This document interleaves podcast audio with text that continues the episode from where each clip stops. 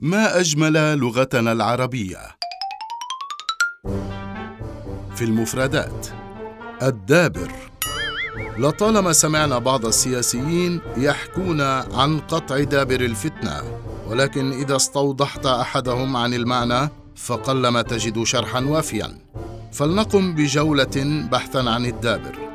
الفعل دبر يدبر دبرا ودبورا فهو دابر.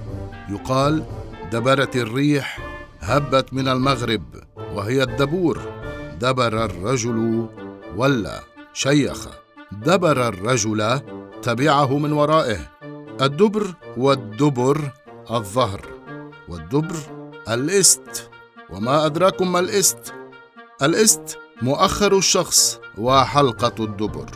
الدبر جماعة النحل والزنابير والجمع أدبر وأدبار والدبر المال الذي لا يحصى كثرة. عودة إلى الدابر فالدابر هو التابع. الدابر من كل شيء آخره. ومن هنا قيل قطع دابر الشيء أي استأصله. قطع دابرهم استأصلهم. وأيضا وقع ذلك في الزمن الدابر أي في الزمن الغابر. في الماضي البعيد ومن الزمن الغابر البعيد. الدابر استعاد البعض عبارة قطع دابر الفتنة. آه ما أجملها لغة عربية.